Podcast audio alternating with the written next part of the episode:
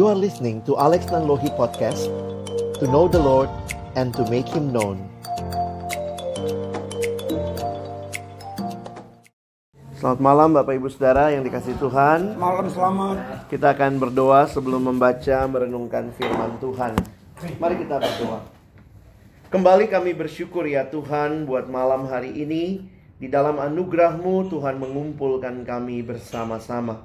Kami akan membuka firman-Mu Kami mohon bukalah juga hati kami.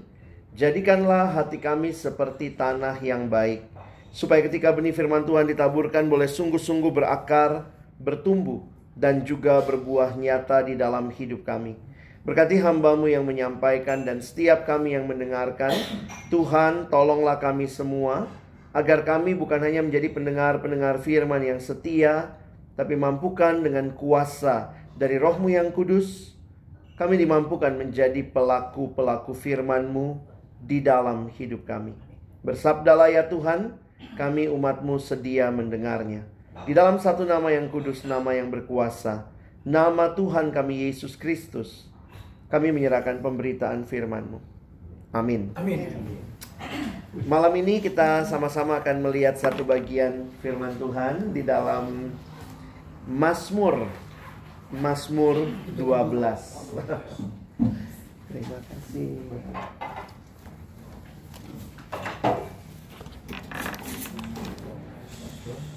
Kita akan melihat Mazmur 12 dan kita harus melihatnya dalam kaitan konteks yang ada di dalam bagian ini. Jadi kalau kita baca Mazmur, Bapak Ibu Saudara yang dikasihi Tuhan, biasanya yang pertama kita tentukan setelah kita membaca adalah ini Mazmur jenisnya apa. Mazmur ada yang isinya pujian, ada yang isinya doa ratapan, ada juga bahkan dikatakan yang namanya Mazmur kutukan. Jadi kita perlu mengerti ini Mazmur jenisnya apa, Lalu nanti waktu kita mendalami bagian demi bagian kita pun bisa memahami bahwa Mazmur punya bentuk yaitu puisi. Jadi karena puisi itu kita mesti bisa menghayati biasanya puisi menggunakan gambaran atau yang disebut imagery. Jadi ada bagian-bagian yang diambil untuk menggambarkan melukiskan sesuatu. Jadi nanti kita akan coba lihat imagery. Bukan imagine. Eh, Bukan imagery. imagery, Pak ya. Mari kita baca Mazmur 12. Saya baca ayat 1. Mohon Bapak Ibu Saudara baca ayat 2. Kita bergantian sampai dengan ayat yang ke-9. Doa minta tolong terhadap orang yang curang untuk pemimpin biduan menurut lagu yang ke-8 Mazmur Daud.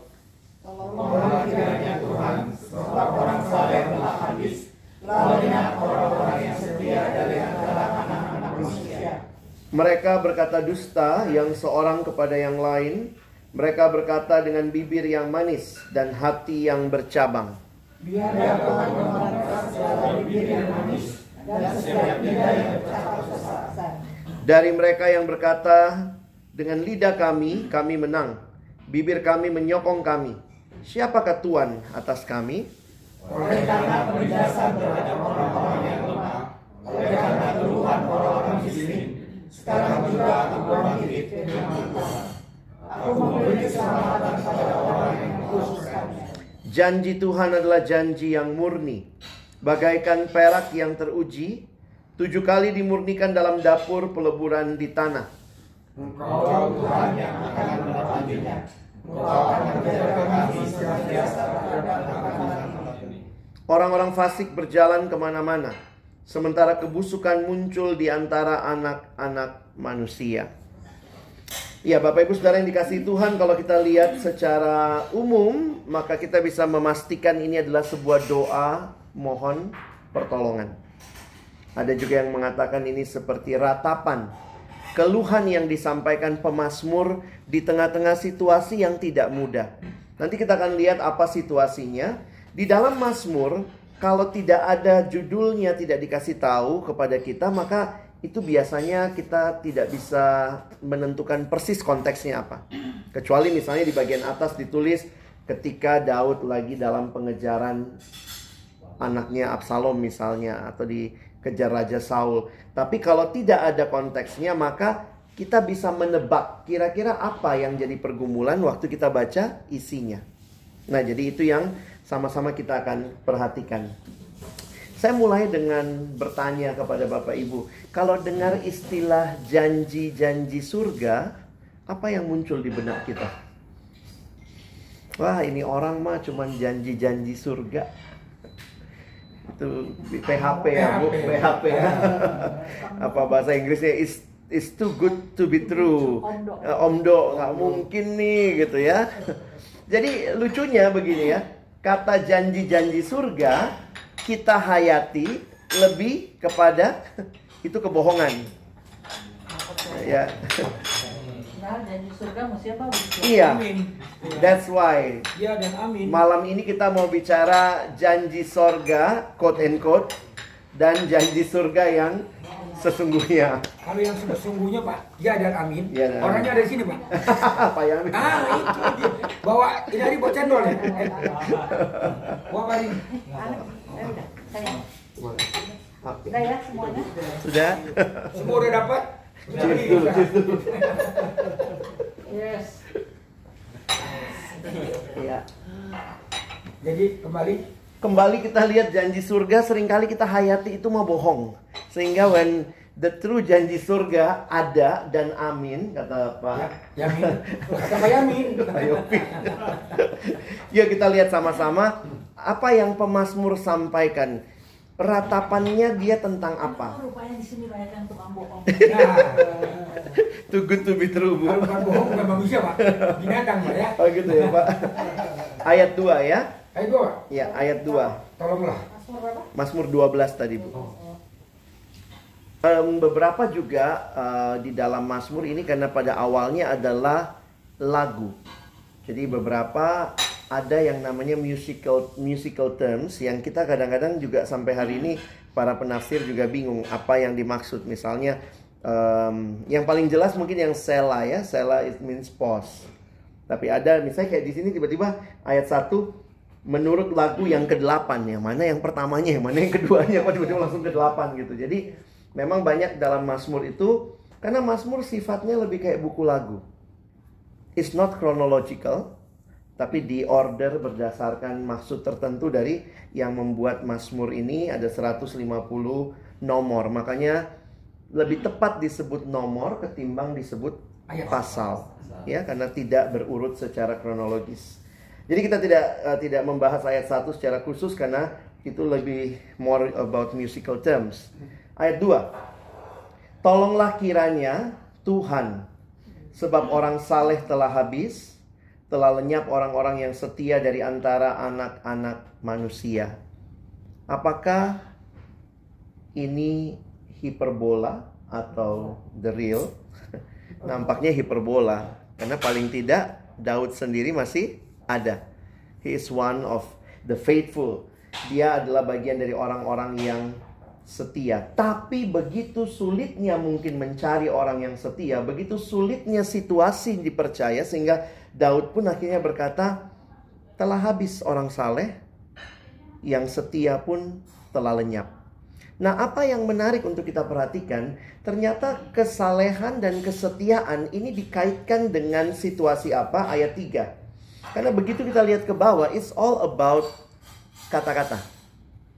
Mereka berkata dusta yang seorang kepada yang lain, bukan cuma nipu satu arah, tapi ini dua arah, satu kepada yang lain. Mereka berkata dengan bibir yang manis. Jadi bisa jadi kalimatnya benar, apa yang disampaikan benar, tapi masalahnya di mana? Hati yang bercabang. Jadi Daud menggambarkan situasi yang dia alami ketika dia mengatakan tidak ada lagi orang setia, tidak ada lagi orang saleh, adalah ketika semua yang di sekelilingnya adalah kebohongan. Baik memang kebohongan yang disampaikan ataupun kata-kata yang manis disampaikan tapi dengan motivasi yang buruk. Waktu saya baca Mazmur ini saya pikir ya sepanjang zaman juga begitu ya. Sekarang Bapak Ibu tahu berita ini benar apa tidak? Hoax di mana-mana. It's, it's something happen. Tapi jangan lupa pada masa itu ketika perkataan pemimpin disampaikan itu bisa menimbulkan peperangan. Jadi jangan lupa pada masa itu perang itu terjadi karena yang satu ngomong ini, yang satu ngelawan. Saya pikir agak mirip juga sekarang ya, yang satu nge-tweet apa gitu ya. Trump nge-tweet apa, China nge-tweet apa begitu ya. Jadi situasinya kondisinya. Jadi ketika Daud mungkin dia adalah uh, seorang yang memimpin peperangan waktu itu atau menjadi pemimpin Israel, dia mengatakan tidak ada lagi yang bisa dipercaya. Dan masuk lebih dalam dia bicara soal motivasi mereka. Bibir yang manis dan hati yang bercabang. Dalam situasi seperti itu apa yang Daud minta? Saya pikir cuma satu kata tadi di ayat 2 ya. Tolonglah. Ada penafsir mengatakan he has no other things to say. Dia hanya mungkin hanya bisa mengatakan tolonglah. Dan apa yang terjadi di ayat 4 kita lihat ya. Ini Daud memberikan uh, apa ya? hak kepada Tuhan untuk membalaskan. Biarlah Tuhan mengerat segala bibir yang manis dan setiap lidah yang bercakap besar. Dari mereka yang berkata, nah ternyata inilah gambarannya ya. Orang-orang yang berkata, dengan lidah kami kami menang. Bibir kami menyokong kami. Siapakah Tuhan atas kami? Jadi orang-orang yang mengatakan I am everything. Tidak ada lagi Tuhan di atas saya. Dan itulah yang Daud berkata, Tuhan apa ya? Biarlah Tuhan mengerat segala bibir yang manis. Ketika situasi sulit dipercaya, situasi sulit untuk kita kendalikan, tidak tahu yang mana yang benar, maka saya pikir uh, sikap Daud ini jadi teladan buat kita. Berseru kepada Tuhan, minta Tuhan yang menyatakan keadilan. Kadang-kadang kalau orang ada maunya sama kita, dia bisa mulut manis. Kita nggak tahu motivasinya. Nah, tapi ya dalam Bapak Ibu yang mungkin bisnis atau juga mungkin punya usaha atau mungkin juga bekerja atau bahkan dalam hidup sehari-hari hati-hati kita tidak bisa tahu motivasi orang. Tapi di sini Daud mengatakan Tuhan biarlah engkau yang mengerat itu. Dengan kata lain ya kita minta Tuhan membukakan hal itu bagi kita. Ayat 6 ini gambaran ketika pergumulan pemimpin ataupun pergumulan hidup dialami, maka sebenarnya yang paling terdampak, yang paling mengalami efek yang paling dalam biasanya orang-orang yang lemah dan orang miskin. Ini kalimatnya ya. Oleh karena penindasan terhadap orang-orang yang lemah, oleh karena keluhan orang-orang miskin. Kadang-kadang orang bilang, wah ini lagi susah nih kondisi ya. Tapi kita bicara lagi susah, tapi mungkin kita nggak sesusah orang yang kita lagi susah masih punya kerjaan, masih punya usaha. Tapi ya orang miskin, orang lemah, mereka yang very affected by the situation. Nah, dalam situasi seperti itu, perhatikan. Tuhan berkata, "Sekarang juga aku bangkit," firman Tuhan. Aku memberi keselamatan kepada orang yang menghauskannya. Jadi Tuhan merindukan orang-orang yang benar-benar merindukan uh, keselamatan yang dari Tuhan. Dan di mana letaknya pertolongan Tuhan bagi saya ayat 7 8 itu kuncinya sebenarnya. Kalau perkataan manusia sulit dipercaya, sulit dipegang, kadang-kadang manis motivasinya busuk. Janji manusia susah kita pegang, makanya kita bilang janji-janji surga. But still ada janji surga sebenarnya ayat 7 kayak mengkontraskan janji Tuhan adalah janji yang murni. Berarti janji manusia gak palsu. Bahasa Inggrisnya dia pakai istilah flawless. Jadi tidak bercacat, tidak tercontaminated gitu ya. Sehingga kalau Bapak Ibu lihat, nah ini yang saya bilang imagery-nya muncul. Imagery-nya apa? Bagaikan perak yang teruji. Tentu janji Tuhan bukan perak begitu ya. Tapi seperti lebih bagus Pak ya, Jadi janji Tuhan itu seperti perak yang teruji. Pada masa itu, perak itu di leburnya, dapur perleburannya itu ada di tanah. Dan uh, titik leburnya perak itu about 1200 Celsius. Nah, ini dia menggambarkan tujuh kali dimurnikan. Beli minyak goreng aja sekarang berusaha yang berapa kali penyaringan? Dua, tiga. Kenapa? Karena murni. Nah ini memang ada yang berkata apakah benar-benar seven times itu men- men- menandakan perfection? Iya. Tapi yang jelas mau menunjukkan bahwa janji Tuhan itu tidak seperti janjinya manusia. Makanya seven up laku. Tujuh upah. Seven up. Nah ayat yang ke-8 menarik Bapak Ibu ya. Jadi bukan cuma janjinya Tuhan yang murni, tapi ayat yang ke-8 memberikan kita satu pemahaman begini. Coba misalnya Bapak Ibu punya teman dua orang yang janji. Janjinya sama, persis sama janjinya. But sometimes kenapa kita lebih percaya sama yang satu ketimbang yang satu?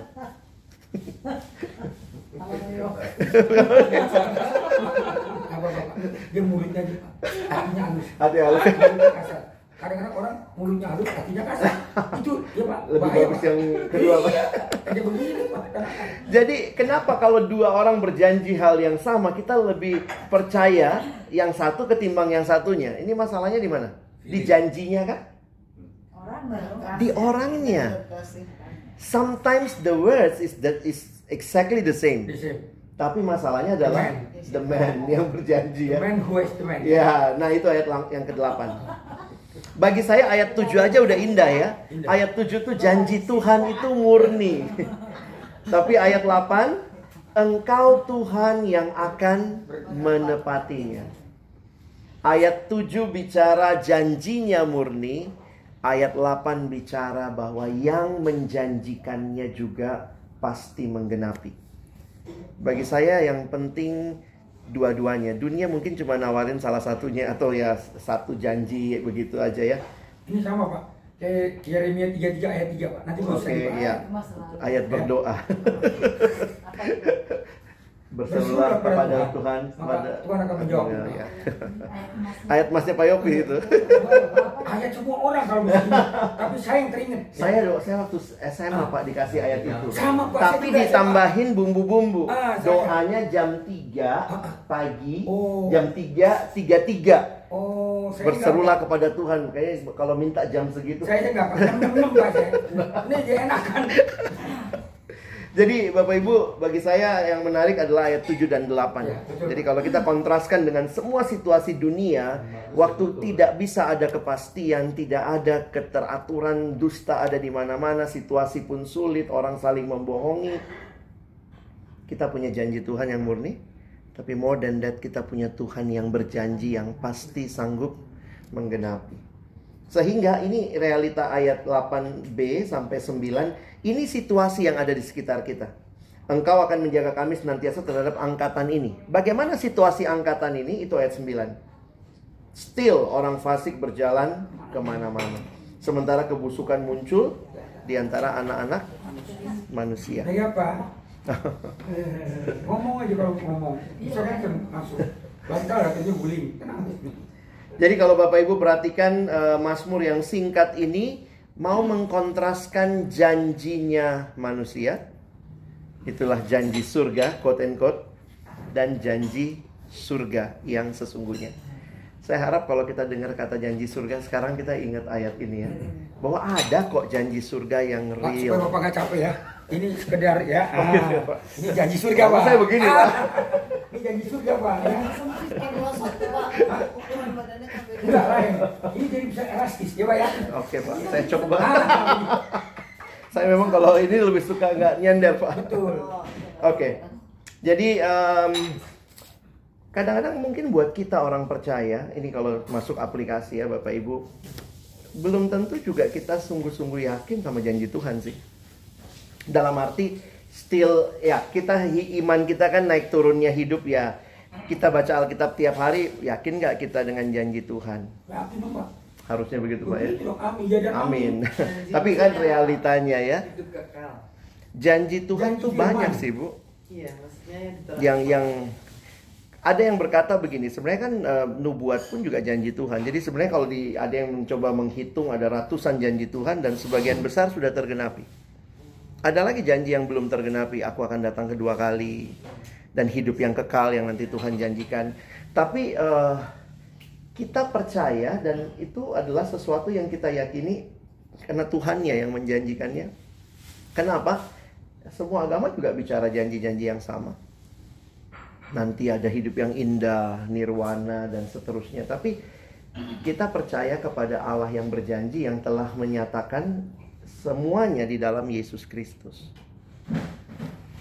Ke saya saya coba saya coba eh, refleksi juga ya dalam satu pengalaman walaupun dalam ka- kaitan hamba Tuhan menghibur orang tuh nggak gampang. Apalagi kalau hamba Tuhan kan kalau menghibur orang mesti pakai firman gitu ya. Kalau datang misalnya besok orang sakit ya mesti baca Alkitab atau apa. Tapi sisi yang lain saya pikir eh, saya pernah mengalami lah ya satu satu waktu seorang teman telepon dia di Riau dia bilang Lex bisa tolong nggak ke rumah sakit? Ipar saya sudah sekarat. Tapi masih sadar sudah kayaknya ngalamin sakit apa juga udah bingung gitu ya entah kanker apa. Jadi seluruh tubuhnya udah sakit. Dia bilang bisa nggak tolong ke rumah sakit? Karena panggil pendeta saya waktu itu belum belum ditabiskan ya. Panggil pendeta pendetanya di Bogor. Jadi eh, karena mereka gerejanya di Bogor. Jadi cari sementara dia di rumah sakit Cikini ini gimana ya Lex Eh, saya bilang ya sudah, eh, kalau saudaramu tidak masalah dengan bukan pendeta yang datang, saya akan datang doakan. Ya sudah, jadi itu saya mau pergi ke satu tempat, dibelokkan harus ke rumah sakit, lalu kemudian cari-cari ayat lah ya. Ya apa nih mau baca apa begitu ya. Lalu muncul pertanyaan begini, orang lagi sakit begitu, kita ngomong-ngomong ayat, eh, terhibur nggak ya? Gimana caranya saya menghibur dia? Tapi dari sepanjang perjalanan itu kayak Tuhan mau mengingatkan, bukan kamu kok yang hibur dia, aku yang menghibur. Itu firmanku. Kamu cuma menyampaikan. Jadi kayak Tuhan menolong saya meyakini, iya ya, yang menghibur itu Tuhan. Ketika kita menyampaikan firman Tuhan, menjanjikan bahwa ada hidup yang kekal. Waktu Bapak Ibu mungkin bersaksi bahwa di dalam Tuhan ada pertolongan, ada kepastian. Itu bukan kita yang menghibur kita bukan ke kengototan kita untuk saya menyampaikan dengan kencang oh pasti dia terhibur pasti dia yakin. Itu janji Tuhan. Biarlah dia dan Tuhan janjinya akan firmannya tidak kembali sia-sia dan Tuhan yang menjanjikannya setia. Jadi waktu sampai saya lihat juga udah kesakitan begitu. Akhirnya baca Mazmur 23 ya Tuhan adalah gembalaku tak akan kekurangan aku. Dan di situ saya merasa iya ya saya tadinya datang dengan pikiran saya yang akan menghibur dia pakai firman Tuhan. Tapi ternyata sebaliknya. Tuhan yang menghibur dia pakai saya. Saya cuma alatnya begitu, pelaksananya. Dan waktu baca Mazmur 23 sampai di bagian sekalipun engkau berjalan dalam lembah kekelaman, aku tidak takut bahaya. Jadi saya pikir dulu-dulu saya selalu mikir, oh ini hamba Tuhan akan menghibur ya. Tapi di situ saya jadi yakin sebenarnya di tengah-tengah dunia yang begitu banyak janji, ketika Bapak Ibu dan saya datang dengan firman Tuhan, lebih lagi dengan keyakinan bahwa Tuhan yang menjanjikannya sanggup menggenapi, itu yang dibutuhkan oleh dunia ini. Jadi saya berharap ada kesempatan kita baca firman, kita membagikan firman, yakinlah Tuhan sedang bicara sama kita, Tuhan juga pakai kita untuk bicara kepada sesama kita.